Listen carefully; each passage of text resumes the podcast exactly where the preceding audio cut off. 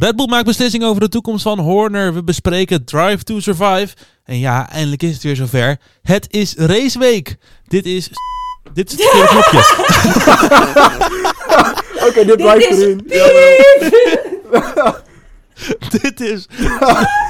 Studio Downforce.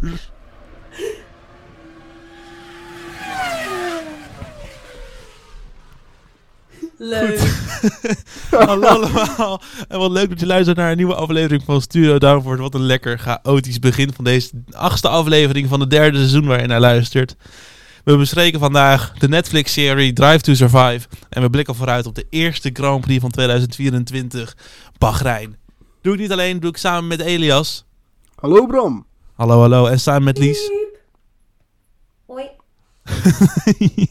Ja, sorry. Ik had nog even de verkeerde instellingen hier staan op mijn, op mijn, eh, op mijn soundboard. Maar dat ging wilde even mis. Maar dan? goed, we zijn er. Ook als je iets anders had ingedrukt, was je te vroeg Ja. geweest. Nee, maar kijk, als in onze bumper heeft een kleine Oh. aanloop. Dus dan, dan kon ik hem nog daar overheen praten. Oh, cool. Dus ehm, ja, de radio, hè. Dus dan, eh, dan, dan moet dat.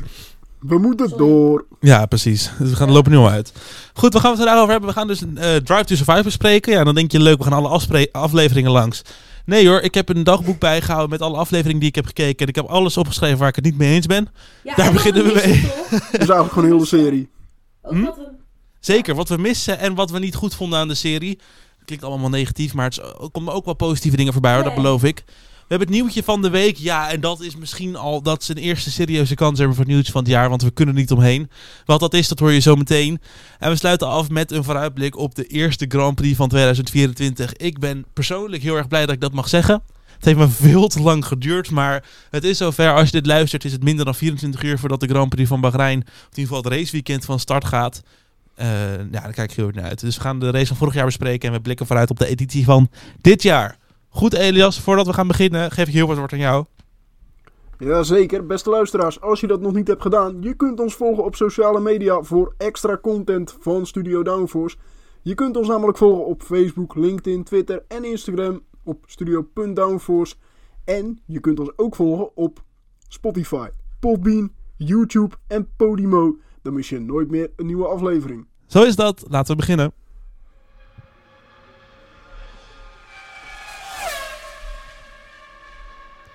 Ja, en we beginnen deze aflevering dus met onze ongezouten mening over Drive to Survive. Ja, en voordat ik al, eh, daarmee ga beginnen, moet ik heel eventjes terug, twee of drie afleveringen terug in de tijd. Dat was namelijk op de, in de periode dat Oh. de trailer van Drive to Survive bekend werd gemaakt. En in die trailer viel eh, mij vooral iets op. Daar, eh, werd in de, daar werd een quote gebruikt van Nick de Vries. Die hebben we natuurlijk in het seizoen weinig gezien, dus dat compenseert voor Drive to Survive. En in die trailer zei de Vries twee zinnen achter elkaar, al dus de ondertiteling. Dat was eerst deze zin. To be a Formula One driver, you need to be able to switch yourself off from everything that is happening around you. Ja, en volgens de ondertiteling was dit ook een zin die de Vries uitsprak. when you get into that car, the noise goes away. Nou, dat waren dus de twee zinnen die volgens Netflix allebei door de Vries waren uitgesproken. Liesja was het hier absoluut niet mee eens in de Ik aflevering. echt dat, dat ik gewoon net 30 seconden geleden zag dat je opeens de rectificatieblokje erin eh, in het draaiboek hebt gekleurd. Ja, dit is blokje echt we even gaan horen dit jaar. Dit is het rectificatieblokje wanneer wij domme uitspraken eerder doen en daar toch even op terug moeten komen. Precies. Lies, Ja, ik geef de, de, de stage is yours. You won. Ik wil graag even eh, mijn algemene excuses eigenlijk aan Bram aanbieden. Want dit is geen rectificatie voor de mensen. Dit is gewoon een rectificatie voor jouw reet. Ehm, Ja, eh, ja, precies. Dus eh, direct aan jou, Bram. Je had gelijk. Je had dankjewel. helemaal gelijk. Je hoorde inderdaad Alex Albon bij het tweede stukje. En het was niet een Niek de Vries met een Albon accent, wat ik beweerde. Of iets in die richting. Ik weet niet Ja. eens meer wat ik gezegd heb, maar dat. Nee, ja, in aflevering 4 ging het, eh, stonden Haas en Williams centraal. En daar zei Albon precies deze zin. Het is wat ik gehoopt had, wat we de- direct zwart op wit zouden zien. En het is zo uitgekomen. Goed, dat, eh, de afgelopen 30 seconden is mijn wekker vanaf nu. Bram, jij hebt gelijk. Daar word ik blij van. Daar word ik blij van. Goed, we gaan door. En dat naar mijn notities hier op mijn telefoon. Want ik heb hier opgeschreven wat ik eigenlijk allemaal niet goed vond aan Drive to Survive. Waar mijn tenen van omhoog gingen staan. En waar mijn haren op een niet goede manier Nou. omhoog van gingen staan. Tenen omhoog. Ja, de- dat is toch een... Ja. Geen idee. Voor mij is dat een uitspraak, maar daar Ik is Ik het te vind dit een voor mij. tenen krommende Goeie uitspraak. Dat bedoelde ik. Nou, Ik- tenen krommen gaan zo ook Ja. omhoog. Goed. Ja, nou in ieder geval, eh, mensen, dames en heren, ga er even voor zitten, want dit lijstje, dat duurt nog even. Ja, eh, Bram, je krijgt vanaf nu, eh, hoeveel minuten zullen we hem geven, Lies? Ja, twee of zo, anderhalf. Nee, maar anders wordt het zo ongecoördineerd.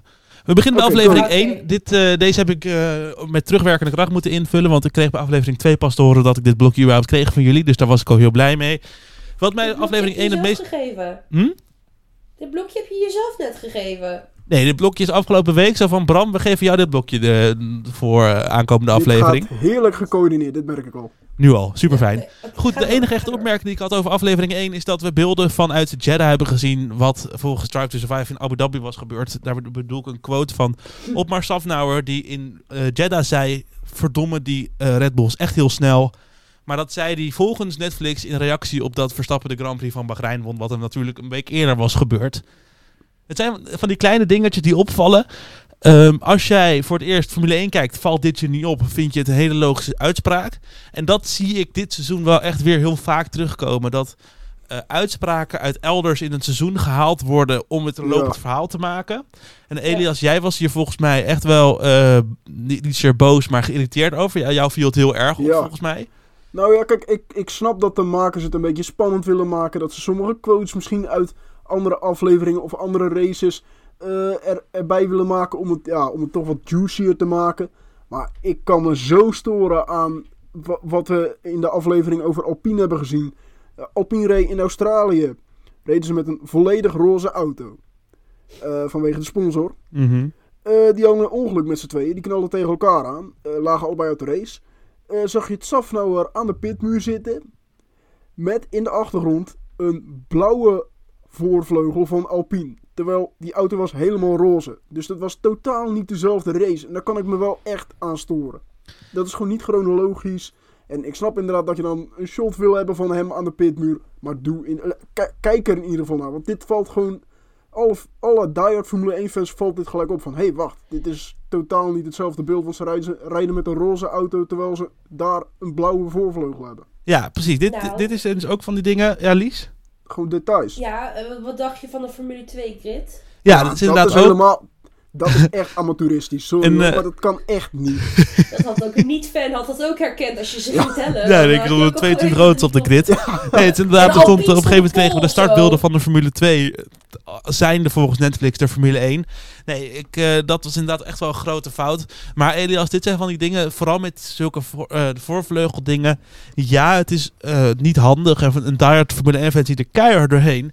Maar als je verhalen wil vertellen, en dat is natuurlijk wat Netflix wil. Netflix wil geen representatie van het Formule 1 seizoen zoals het was. Want dan zien we 19 overwinningen van Verstappen en dan de rest Ja, niet boeit. Dat is natuurlijk Ja, hoe het dat- seizoen is gegaan voor de fan.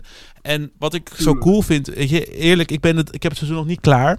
Dus ik kan nog niet een volledig eh, van A tot Z verhaal geven over de serie. Maar wat ik wel zie, is dat er verhalen verteld worden door het seizoen heen. En dat gebeurt al wat meer chronologisch in de zin van... ik ben eh, de eerste vier afleveringen, zien we heel veel Bahrein. En we gaan nog wat meer richting het eind van het seizoen. We hebben in het verleden ook gezien dat we in aflevering 3 al een keer in eh, Brazilië zijn geweest, voor mijn gevoel. Dus het gaat al wat chronologischer, waar ik al heel blij mee ben. En ja, er zitten ook gewoon kuttige dingetjes in. Dat is wel gewoon eerlijk zo. Ehm, ik Ja. heb hier nog, nog opgeschreven, aflevering 2 bijvoorbeeld, dat ik gekke sprong in de tijd ging. Gingen we naar Saudi-Arabië, dan gingen we weer naar Europese races, gingen we weer terug. Dat, het gaat alle kanten op. Ja. Dus, eh, maar om een verhaal te vertellen, is het heel logisch. Voor het seizoen willen volgen, totaal niet. Dan denk je echt van, waar Ja, zijn dat- we nu weer ja. beland? Ja, nee, maar kijk, ik- ik snap wat je bedoelt, hè. Eh, je, je wil een verhaal vertellen, prima. Maar let dan op de details. Je ziet toch gewoon, dat, dan pak je toch een shot waarbij je alleen Safnauer zijn gezicht kan zien. Of dan knip je dat, snij je dat eruit, dat je alleen maar Safnauer zijn gezicht ziet en niet die achtervleugel of een voorvleugel op de achtergrond. Ja, Dat, dat zijn gewoon van die kleine dingetjes. Het is gewoon, en, en zo'n Formule 2 grid, dat je denkt van, even tellen. Nee, maar dat klopt. Kijk, die Formule 2 credit snap 22 ik. Maar zo'n zo'n voorvleugel, daar, als jij voor het eerst Formule 1 kijkt, ga je daar niet op letten. Nee, maar eh, ook, Nee, ook in diezelfde aflevering over Alpine, hè, zag je Gasly aanwezig bij een basketbalwedstrijd in Amerika. Mhm. Had hij eerst tijdens een gesprek met iemand naast zich, had hij een basketbalshirt aan. Daarna opeens niet en vervolgens weer wel. Dan denk ik echt van kom op. Dit- dit- Ja. Waarom? Dit- Je moet het gewoon chronologisch maken. En ja ik, ja, ik kan me daar wel echt aan ergeren. Zeker toch kijk je door, ook. Ja, Natuurlijk kijk je door, maar nee, maar kijk, het echt- Elias, laat even na- voorop na staan. Je hebt, je hebt gelijk hierin. Hè. Die chronologie Ja. die is niet altijd even lekker. En Ja, maar- het is zo'n Ja. eh, dat Gas die shirt wel niet wel aan heeft. Terwijl het één verhaal is volgens Netflix. Kijkt niet lekker weg. Maar het feit Ja, maar- is wel dat er meer over gepraat wordt dan ooit weer elk jaar. En Kijk. dat we het niet meer hebben over dat er een remgeluid klinkt als ze toch echt vol gas gaan op het rechte stuk in Baku. Of zo. Ja, nee, dat, dat is inderdaad voor- op zich vooruitgang. Maar ik vind na zes seizoenen en van Netflix zelf, van deze makers, die zijn hartstikke professioneel. Ik vind het Formule 1 onwaardig. Ik vind het echt Ja? dat je op die, nee, maar dat je op die details, dat je dat al niet. Het is al- alsof, je, eh, alsof een Amerikaan dit heeft gemaakt. Van, Dat is toch ook eh, zo? Ja, waarschijnlijk wel. Formule 1 waardig Nee, maar- op dit moment, toch? Ja, maar voor de show, maar dit soort details. Nee, maar dit is toch... als ik- Maar Elias, als we toch eerlijk kijk, kijken naar het seizoen. We hebben 19 overwinningen gehad van Verstappen. Ja. In principe zou ik het knap gevonden als we 10 afleveringen hadden. Ja. Maar die, eh, even kijken wie de, in ieder geval de executive director van die hele serie, die heeft erkend, we hebben gewoon oprecht overwogen om meer afleveringen te maken, omdat er zoveel verhalen waren die we wilden vertellen. Ja, maar ik denk dat als de Formule 1 dit zelf had gemaakt, dat je dat soort foutjes niet, nooit had gezien. Was het beter geweest dan, denk je? Ik denk het wel. Echt? Ja. Goed. Ehm, Goed, Lies, eh, heb jij nog ben- dingetjes het is gezien die je echt- opvielen? Nou, weet je wat het is? Ik heb me iets minder geërgerd dan jij, Elias. En dat Ik is ook. simpele- Ja, maar dat komt... Ik heb er wel een, een logische reden voor. is, dat komt met de simpele reden is dat ik het echt heb aangezet terwijl ik nog iets anders aan het doen was. Dus ik Ja, heb misschien verklaart meer dat wel. geluisterd dan dat ik heb gekeken. Dus alle fouten qua, eh, qua, qua dingen die je ziet, zijn me dus niet zo heel erg opgevallen. maar Elias, is jou dan niet meer opgevallen dat ze veel meer achter de schermen dingen hebben gedaan? Dat er ook veel, Ja, meer, dat, veel meer verhalen worden verteld buiten het circuit om? dat, Eerlijk? dat, vind ik, dat vind ik ook echt een pluspunt, inderdaad. Ik heb wel af en toe het idee dat ze, dat ze weten van... Oh, dit is achter de schermen. En Oh ja, die heb ik ook opgeschreven. Netflix kijkt mee. Of, Klopt, eh, ik heb opgeschreven, ik heb twijfels bij de echtheid van de gesprekken. precies. Dat was eh, in Oh, de aflevering van McLaren met al die eh, aandeelhouders, Ja. met al die grote sponsoren, met Zac Brown om de Precies. tafel. Ik dacht, die, die, heeft toch, die, die heeft toch die producer gezegd, mensen, ga even zitten, eh zeg jullie Precies. zorgen en drink daarna weer even een biertje met elkaar. Ja, maar bij, bij Alpine toch ook dat ze dan eh, in een kamertje gaan zitten en dat Netflix niet mee mag, maar dat je dan heel warrig dat geluid alsnog hoort. Of Ja. bij Ricciardo achter de schermen, inderdaad, dat ook nog even. Ja, Mag nee. ik even zeggen wat ik, wat ik, wat ik echt... Ik, ik vind het wel leuk, hè? Ik vind het echt een pluspunt. kansen? Ja, eh, Lies? Zijn we al bij de gemiste kansen aangekomen? Nee, bijna, bijna, bijna, bijna. Oh, oké. Dan hou ik nog even mijn mond. Ehm, ik, ik wil nog, ik, ik, ik heb wil namelijk ook complimenten geven aan Drive to Survive. En dat is ook echt een reden waarom ik denk, ik wil hier om doorkijken. Ik vind de snelheid van eh, bepaalde afleveringen best wel lekker. Zoals bij de aflevering met eh, De Vries. Eh, dat begint heel rustig in Bahrein. We hebben hoge verwachtingen. Horner zegt hij moet het team gaan leiden. En je ziet gewoon dan in, afle in Bahrein en Saudi-Arabië gaat het dan, zijn ze best wel lang. En daar gaan er wat dingen mis. Dan heb je een aantal keer in Baku. eh, in een aantal keren dat het echt misgaat. Wat dan kort, eh, kort in beeld gebracht wordt. En dan gaat het, gaat, vertraagt het wat weer wat langer. En dan gaat het weer wat sneller. En zo wordt eigenlijk om best wel lekker tempo. Vond ik heel lekker wisselend. Ja. Gewoon in beeld gebracht hoe de Vries eigenlijk zijn stoeltje aan het verliezen is. Ja, ik, eh, ik snap dat inderdaad, eh, wat je, wat je zegt, Bram. Ik heb alleen af en toe ook een beetje het idee gehad van... Oké, waarom zit ik hier naar te kijken? Nick de Vries die zijn ramen gaat zemen in Monaco. Ja, Waarom? maar ja, waarom zou je kijken Waarom naar Steiner en, en Sta- waarom zou je kijken naar Steiner en Binotto die een paar druiven aan het eten zijn in Italië? Ja, dat ja, kun je ja, toch ook afvragen? Binotto die zit helemaal niet meer in de Formule doorgaan, 1. Nee, maar dat is wel een mattie van eh Steiner natuurlijk. Ja, maar goed, eh, het is ook een beetje de mens achter de coureur laten zien. Hè? En dat denk ik wel dat je daarmee echt goed bereikt. Ja, dat wel. Dat wel, ja. Wat ik sowieso ook heel cool vond, is dat leuk. Claire Williams nu ook eh, daar weer zit. ja. Nou, Echt een goed, goede goed zet, want dat is, dat is eh, één qua diversiteit gewoon een goede. Want dit is namelijk een vrouw met kennis over de Formule 1, laten we eerlijk zijn. Ja, Die hebben, het vrouwenquotum halen hoor. ja, maar ja, dat hebben ze ook weer gedaan met de andere kant van het spectrum in dat opzicht met Formule 1 kennis. Danica Patrick. Ja, Ja, nou, die, die, die, hebben ze echt de vrouwelijke Will Buxton hebben ze gezocht. en die hebben ze toch een partij gevonden, jongen. En tegelijkertijd heeft Buxton echt de meest lege... Met de Die heeft gewoon zijn eigen legendarische quote overtroffen op een of andere manier. Met Ja. haast die Over niet eens haast. een mes meeneemt naar een schietpartij, maar een lepel. Dat Ja, is toch ja. een quote Die waarvan je denkt, daar kom je niet op, al probeer je het honderdduizend keer. En toch Daar is het een goede quote. Ik vind wel, Will Buxton die kan dat heel dramatisch brengen inderdaad. Soms denk je echt van... Heerlijk. En hij had volledig gelijk, toch? Ik bedoel, laten we eerlijk Dat is zijn. juist leuk. Ja. En dat klopt toch ook gewoon als je kijkt naar het afgelopen seizoen. Ja, ja. Goed, dan eh, Lies gaan we nu wel naar het blokje met wat we hebben gemist eh, dit jaar in eh, Drive to Survive. Zal ik beginnen of wil jij hem alvast aftrappen? Nee, ik wil beginnen, wat moet er even uit? Oké. Eh, wat ik gemist heb, is eh, dan ben je aanwezig en dan heb je het magische rondje van Daniel Ricciardo. Ben je, daar ben je bij. Daar heb je dus beelden Ja. van. En dan zend je vervolgens niet eens, niet, ja oké, een hele kleine fractie van een onboard uit waarvan ik niet eens weet of dat het magische rondje was. Stuur, ik, ik, ik had meer willen zien. Ik had willen zien hoe hij door die bochten door Silverstone reed. Weet je wel? Ik had willen zien hoe hij. Ja, ik, de passie, de excitement. Ik, ik, ik, ja, dat vond ik echt een hele grote anticlimax. Echt een hele Ja. grote. Ik had hier ook wel wat van Eh. verwacht. Meer. Ja, ik Ja, had, ik had meer... eh, ik vond het sowieso al vet dat ze er waren. Dat, wat, je, wat jullie zeggen, daar ben ik het mee eens. Meer achter de schermen. Dat vind ik ook echt heel leuk om te zien. Mhm. Eh, dat, zoals ik al eerder zei, pluspunt. Ja. Eh, maar wat jij zegt inderdaad, Lies, van... Je ziet ni- niet echt die, het, het enthousiasme van... Oh, wauw, yes, ik zit weer in de Formule 1. Of wauw, dat was echt een goede ronde. Eh, je ziet het van Horner heel eventjes van... Oh, wauw, die ronde had hem naast Verstappen gezet op de grid. niet- Ja, ook al- Ja, ik vind ja, het- maar dat had ik Het ook miste, hè? Er miste iets. Ja. zien. Ja, nee, Ja, daar heb je helemaal gelijk in hoor. iets. Maar goed, Ze het zat het nog wel erin. beetje, ze wilden het nog wel een beetje overdramatiseren met die spin, hè? Ja, ja maar dat is, dat is toch ook gewoon leuk. Dat is, heeft hij ook, Ricciardo zelf ook gezegd dat dat gebeurde. Maar goed, eh, Lies, dit is wel een punt. Hij zat er namelijk wel in in de basis, hè? Want ik heb ook nog een lijstje met dingen die we helemaal niet hebben gezien Ja. dit seizoen. Te beginnen met de sprintoverwinning van O- eh, Oscar Piastri. Niks Ja, van gezien. eens. Helemaal niks. De eh, finish van eh Perez en Alonso in Brazilië. Eens. Over, over dramatiseren van dingen gesproken. Dit was echt een eh, kat in het bakkie voor Netflix. En die hebben ze laten Daar liggen. had je een Estival Turns eh, seizoen van kunnen schrijven. Ja. Van die finish. Goed, dan hebben we eh, de Singapore 1-2 van eh, Carlos Sainz en Lando Norris. En hun tactiek daarachter. Ja, precies. Ja. Echt, Norris werd gewoon eruit geëdit, hè? Het was alsof Russell tweede lag. Ja. Maar dat, is toch, dat wil je toch gewoon in beeld hebben. En gewoon hoe ze daar na afloop waren van... Oh ja, nee, maar ik heb je geholpen, hè. En- Die, Car- Carlos Sainz en Lando Norris zijn, ja, die zijn teamgenoot geweest met Drive to Survive. Ja. Dan kom op, dan wil je dit ook in beeld hebben. Dat is toch gewoon heerlijk om een cirkel rond te maken. Goed, brak. Dan hebben we... nee, maar, de- nee, maar ik wil ook nog even inbreken. Eh, die kwalificatie van Singapore. Het was zo eh, van...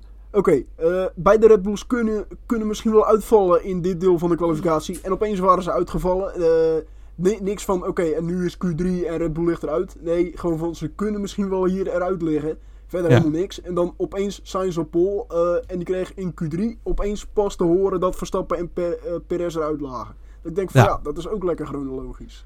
ja, maar dat zijn ook weer van die dingen... Dat valt je alleen maar op als je echt het hele seizoen... elke seconde Formule 1 hebt gekeken. Denk ik. Ja, maar ze, ze haken er, er wel op in hè, tijdens die kwalificatie. Nee, ja, tuurlijk. Maar ja, het is, weet je, ik bedoel, die kwalificatie sowieso Q1, Q2, Q3 bestaat niet volgens Netflix. Dat is gewoon één kwalificatie. Ja. Dat, dat, eh, dat heb ik al losgelaten, dat ze dat helemaal uit gaan leggen. Goed, maar ga door. Ja, we hebben de, eh, überhaupt het hele raceweekend in Qatar met het bandengedoe, de enorme warmtegedoe, dat Verstappen daar wereldkampioen is geworden. Eh, ja, lekker onder de ja, dat überhaupt dat gaat, dat slaat, slaat ook weer aan op een, op een volgende punt. Max Verstappen. Ja. We hebben hem één keer gezien in aflevering 1 volgens mij. En voor de rest eh, vrij afwezig. Dan hebben we eh, de dubbele podiums van McLaren dit seizoen. Helemaal niks over gehoord. We hebben de- natuurlijk een hele aflevering aan gehad hoe ze zo slecht waren. En hoe ze uiteindelijk in Sil- Silverstone een podiumplek hebben gehad bij Norris. Maar dat ze vervolgens gewoon de, de topteams buiten Red Bull dan uit konden dagen de rest van het seizoen. Nee, is niet interessant voor Netflix. Nou, en goed. Ja, nee. Je zou het bijna vergeten, we hadden ook nog Alfa Romeo afgelopen jaar op het grid staan. Ja, die Oh waren ja, ook, ook nog. niet. Ja, Maar ook vorig nog. seizoen toch ook, vorig seizoen hadden ze ook nauwelijks, eh nauwelijks screentime. Eh daarvoor ook nauwelijks. En daarvoor volgens mij ook. Volgens mij, volgens mij vindt Netflix het gewoon te saai of zo, Alfa Romeo. Ja. Ze hebben er iets tegen misschien. Of eh, het, is, het is niet Ik denk dat dit jaar wel weer goed komt. Want ik denk dit jaar dat er best wat controverse nog kan eh, omcirkelen Zeker. rondom Kick, Sauber, Steak, F1 team. Goed, was dit alles? Kunnen we nu Netflix voor de komende weken achter ons laten? Ja, Eh, hopelijk. Ja? Dan gaan we door, Lies, naar het enige echte rubriekje. Weet je wat er nu komt? Hallo Lies, weet je wat er nu komt? Oh ja, ik dacht dat het een retorische vraag was. Oh, nou ja, kijk, daar komt hij al. Hoor je hem al? Ja hoor. Het is tijd voor het... Het nieuwtje van de week, week, week. Nou Lies, kom maar op met het nieuwtje van de week. Ja, en eh, best wel een groot nieuwtje. Breaking Ja. news. Het hing natuurlijk al weken in de lucht. Eh, Christian Horner en de betichting van eh, grensoverschrijdend gedrag. Inmiddels is hij eh, want de- door een externe advocaat vrijgesproken. Dus het grote nieuws is eigenlijk is dat hij voorlopig nog teambaas is bij Red Bull Racing. En gewoon aan de pitmuur zit morgen. Dus dat is eigenlijk best wel big nieuws. Ehm, ja, ik, ja, het is eigenlijk natuurlijk wel best wel gek gegaan. Want hij is niet. Ja, hij, hij, er is een externe advocaat eh, ingehuurd door Red Bull als Red Bull Concern, zeg maar. Niet Red Bull Racing, maar het moederbedrijf erachter. En eh, die advocaat heeft dus naar die, naar die appjes en zo gelezen. Nou, die, die heeft echt, geloof ik, naar uren van bewijs en weet ik veel wat heeft hij allemaal zitten kijken. Ja, ook meer dan een werkdag lang in gesprek geweest met Horner, toch? Ja, Dacht ik ook. Ja, 40 uur of zo. Wat ik Ja, begreep. of negen, negen uur gesprek geweest. En, nou, veel. Veel, heel, veel. 100 pagina's een onderzoek en zo. En eh, ja, wat die, die, advocaat, die externe advocaat die zegt, ja, er is niks aan de hand. Eh, vrijgesproken is niet echt het juiste woord, omdat dat kan natuurlijk alleen een rechter doen. En deze zaak is überhaupt, überhaupt nog niet voor een rechter of voor iets geweest. Nee, Ehm, maar die advocaat die, die oordeelt dus eigenlijk, mocht, dit voor, mocht die vrouw stappen ondernemen om, om het toch juridisch eh, aan te vechten, dan eh, is er niks aan de hand. Dat is volgens mij eigenlijk waar het nu op neerkomt. Maar- ja, ik wil net zeggen, voor mij is de klacht is soort van eh, ongegrond, of als in eh, afgewezen. Toch zoiets was het, dacht ik. Ja, maar je- zij kan er natuurlijk nog steeds wel gewoon naar, naar, naar, de, na- naar de rechter stappen en zo. Zij kan nog steeds Ja, voor mij is dat ook elkaar plan, toch? Om in Engeland naar de rechter te gaan hiermee. Dat, dat weet ik eigenlijk niet. Ik Oh, dan dacht ik dat dat, ehm, dat, dat Dus gezegd kan werd. nog stappen Oh, ondernemen. dat, dat, dat... Ja, maar Ja. het probleem is dan wel, is als hij stappen onderneemt, wordt zij natuurlijk publiek. Ja, dat klopt. Maar goed, het interessante van dit nieuws... hebben. Want we wisten dat dit ging- dit ging komen. Het ging, kon twee kanten op gaan. Hij werd afgezet of hij mocht blijven. Ja, En het interessante vond ik, dit is natuurlijk... Het is best wel eh, een belangrijke schakel in dit hele eh, nieuwtje... is natuurlijk de Telegraaf geweest met Erik van Haren. zo. Ja. Die hebben het als eerste, een van de eerste gebracht. Die hebben ook eh, de aanklacht, die er, of de betichting die er stond richting Horner verhoogd van grensoverschrijdend naar seksueel grensoverschrijdend gedrag. Daar werd het dus op een gegeven moment van beticht. Daar, Ja, daar werd ook gezegd dat ze honderden duizenden euro's bereid waren om te betalen om, ehm, om een soort van geen klachten of een soort van af te doen als het ware Ja. die hele, die hele zaak. 600.000 pond of zo zou ze ge- hebben, zwijggeld hebben gekregen. Of Ja, maar dat ging allemaal niet door. Maar goed, nu, wat er nu is gebeurd, en dat vind ik interessant. Nu wordt, er- eh, gaat het soort van, soort van backlash richting Erik van Halen, Haren en de Telegraaf. Ja. Omdat zij er dus zo eh, hard in waren tegenover Horner. Van, oh ja, dit zijn de laatste dagen van Horner als teambaas. Ja. En dit is het. En ja, nu, is- nu is hij er nog. Ja, dat is het probleem, is in mijn optiek, ze hebben het te gekleurd gebracht. Ja, want dat het is sowieso goed als we het hebben gebracht. Hè? Dat hadden we van tevoren Ja. ook over. Dit moest het gebracht worden. hebben is als journalist zijnde heeft Erik wat dat betreft, het was nieuwswaardig. En eh, die titel van hij, ze wordt, hij, wordt, hij werd ook beticht met voor seksueel grensoverschrijdend gedrag, Ja. Dus dat in de basis, in de journalistieke basis, was het oké. Alleen er zat gewoon wel een gekleurd telegraaf Ja, en, overheen. en hij, we- hij werd ook al een beetje richting de uitgang geschreven. Hè, van het einde is Ja. nabij. Dan denk ik van, dat is wel een erg overhaaste conclusie. Nou, maar daar gingen wel mensen in mee hoor. Hallo hé. Heel veel. Ja, eigenlijk Heel iedereen die eh, mensen. LH44 of Mercedes in hun eh, Twitter bio had, die ging hier mee. Het was, het, was, eh, het was wel bizar. Maar dit, het, het is, het is sowieso natuurlijk wel een bizarre situatie. En eh, ik, ik neem ook aan dat Erik ook wel een tijdje niet welkom is in de Red Bull paddock eh, gedeelte. Ja, nou, dat, dat gaan we dus de komende weken zien. Nou ja, wat ik hoop en ehm, wat ik eigenlijk stiekem hoop is dat er wat meer over bekend wordt over het Ja. onderzoek. Want ik merk Ja. dat er, er- ze hebben toch heel veel in de lucht laten hangen en dat, daar baal ik van. Want ik, je merkt nu ook op social media en de Formule 1 dat er ook echt nog heel veel vragen zijn. En eigenlijk ehm, dat Horner al veroordeeld was door de, door social media en omdat er nu geen bewijs tegen Horner is, dat hij eigenlijk volgens, volgens social media nog steeds echt dat dit waar is als het ware. Dus het zal echt nog wel even duren voordat we zeker weten dat we weer rustig vaarwater hebben rondom Christian Horner. Ja. Ehm, maar ja, de eerste stap is nu dat volgens de onafhankelijke advocaat die Red Bull GmbH heeft ingehuurd, dat is het moederbedrijf van Red Bull, dat volgens die onafhankelijke advocaat, of die externe advocaat die een onafhankelijk onderzoek, zo moet ik het zeggen, heeft uitgevoerd, dat daar dat de, de klachten tegen Horner niet ehm dismissed zijn. Ja. Maar ja, het is een beetje jammer dat we nog Ja, zo in, in, het, in de lucht zijn. zitten over wat er nou precies aan de hand is. Wat er is gebeurd, wat er is gezegd. Ja, En ik snap dat, ik snap dat dat natuurlijk confidential is en dat de privé-informatie van Horner, van die vrouw en bla is. Dus dat er niks meer over bekendgemaakt wordt. Maar toch had ik op meer gehoopt wat er bekendgemaakt ging worden. Want dan konden we gewoon het Afsluiten. eh, afsluiten. Want nu hou je heel veel eh, rode draadjes over die geen einde hebben. Eens, eens, eens, eens, eens. Maar als ik, als, als, ik Chris- als ik Christian Horner zou zijn en ik zou echt onschuldig zijn, dan had ik, als ik hem was geweest, misschien gewoon al die appjes gelekt. Nu. Of in de toekomst. Ja, maar dan goed, dat... Ja, naam. Klopt, klopt. Ja, nou ja, het- is afwachten wat er nu gaat gebeuren. Volgens de Telegraaf is volgens mij nog steeds onzeker dat eh, Horner nu ehm, blijft als teambaas. Dus dat is, ehm, het zal de komende weken Ja, uit hij- moeten gaan wijzen. Het laatste is hier denk Hij ik... heeft natuurlijk wel een krasje gekregen natuurlijk, op zijn reputatie. Ja, zo. Ja, Nou, maar daarom. Maar, dat, maar ja, is het, is, het een, is het een onnodig krasje? Dat is natuurlijk nu de aan de vraag. andere kant, Ja, en daar kunnen wij denk ik uren over door. Ik denk echt dat we daar een podcast van drie Ja, uur over kunnen maken en dan nog steeds Ja. niet uitgebreid ook zijn. Van, ja, dan schrijft de Telegraaf nu van... Ja, hij is vrijgesproken, maar het is nog niet helemaal zeker. Dat ze denken van... Ja, we willen het nog wel doen alsof we misschien nog wel aan het langste eind hebben. Dat we nog gelijk Ja, maar het is nog niet helemaal zeker, omdat zij nog Klopt. steeds je Ja, ja, juridische ja, stappen ja. kan ondernemen. Ja, nee, tuurlijk. Maar ja, ik bedoel, de, de eerste stap is nu... Horner hoeft van Red Bull niet weg. Want volgens de onafhankelijke, het onafhankelijke onderzoek... wat er is gedaan door een externe advocaat... is zijn de klachten dat dismissed. ook... Dus in die zin is er genoeg reden om Horner aan te houden. Maar inderdaad, het- de, binnen Red Bull, de moederorganisatie, binnen de directie... was volgens mij degene met het minderheidsaandeel... de familie van Matisic, volgens Ja. mij, hè, die daar nu als minderheids... eh, die willen Horner weg hebben. Maar de meerderheid die in Maleisië zit, die willen hem aanhouden. Dus in die zin blijft hij daarom nu hier zitten. Maar ja, is daar... het- ook echt. Het gaat Ja. om 1% volgens mij dit. ja, maar goed, die 1% is echt heel erg veel Alles waard.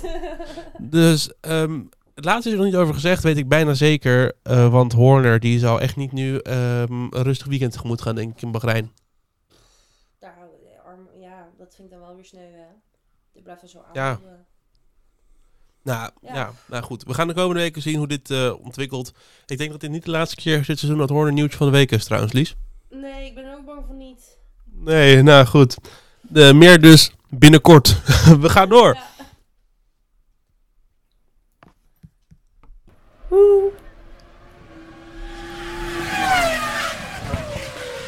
Ja, het waren een paar lange maanden, maar we zijn weer terug. Het is tijd voor de Grand Prix van Bahrein. Voordat we gaan vooruitblikken op de editie van dit jaar, nog heel eventjes naar de editie van vorig jaar. Want daar gebeurde toch wel iets bijzonders, want dat was voor het eerst een hele lange tijd dat de coureur die de eerste race won van het seizoen ook daadwerkelijk wereldkampioen werd. Verstappen, pole position, dominante overwinning, 1-2 voor Red Bull.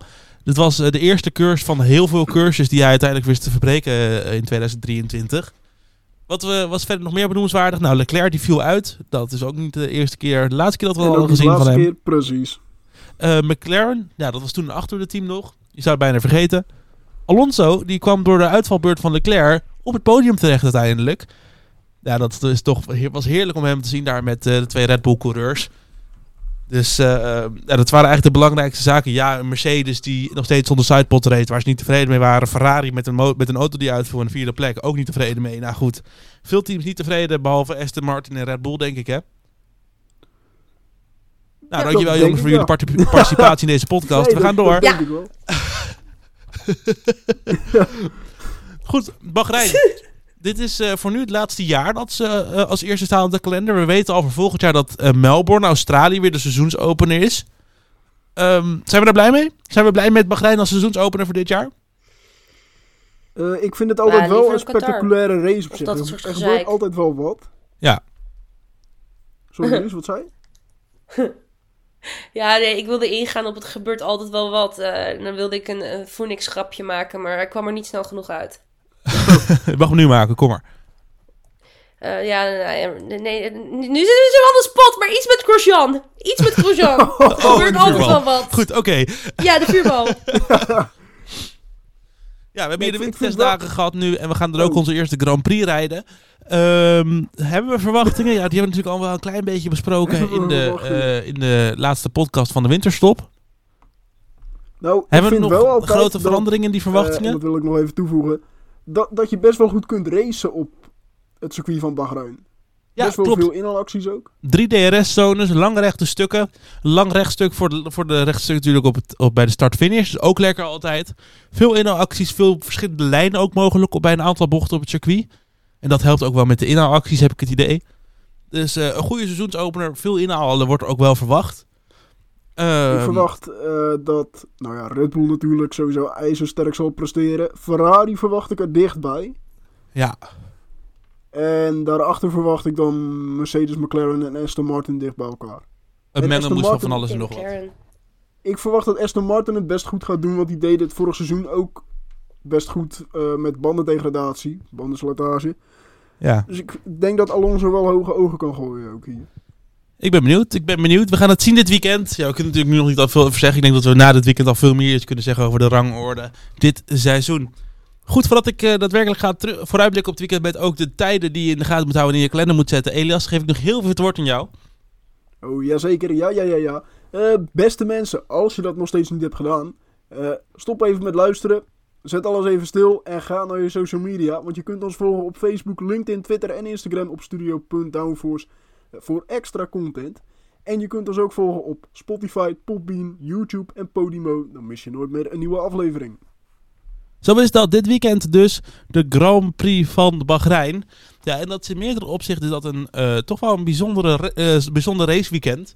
Want eh, ja, we hebben allereerst een Grand Prix op de zaterdag. Dat is sowieso al eh, bijzonder, want dat hebben we eigenlijk bijna nooit. Ja, eh, volgens mij was eh, in Las Vegas afgelopen jaar officieel op een zaterdag, maar voor ons op een zondagochtend. Ja, en verder is het natuurlijk een schrikkeljaar. En we hebben dus ook op schrikkeldag hebben we Formule 1 actie. Volgens mij gebeurt dat ook bijna nooit nu meer. Dus vind ik ook wel weer een leuke statistiek. We hebben Formule 1 actie op een schrikkeldag. 29 februari om half 1. Zet je wekker, zet je kalender en alles wat er tussenin zit. Van half 1 tot half 2 de eerste vrije training. En van 4 tot 5 uur de tweede vrije training op donderdag 29 februari dus. Vrijdag 1 maart om half 2 begint de derde vrije training tot half 3. En dan om 5 uur de kwalificatie. En dus zaterdag 2 maart om 4 uur 's middags is de Grand Prix van Bahrein. Goed, veel plezier met kijken dit weekend. Geniet ervan. En eh, volgende week zie je ons weer terug. Goed trouwens om te vermelden is nog, dit weekend dus ook op Studio Downforce onze voorspellingen voor de kwalificatie en Oh de ja. race. Onze eerste puntje in het kampioenschap vergeten. kunnen we daar dus alvast pakken. Wat zei je, Lies? Moeten we het niet vergeten. Nee, maar dat komt goed. Daar, eh, daar, daar zetten we nog wel onze stagiair op of zo. Volgende week zijn we terug. Ja. Dan blikken we terug dus op de Grand Prix van Bahrein. Ja, en het is een waar feestje. Want volgende week is ook al gelijk de Grand Prix van Saudi-Arabië. Dus daar blikken we dan ook gelijk weer op vooruit. Ons hoor je volgende week weer. Veel plezier dit weekend. En tot de volgende aflevering.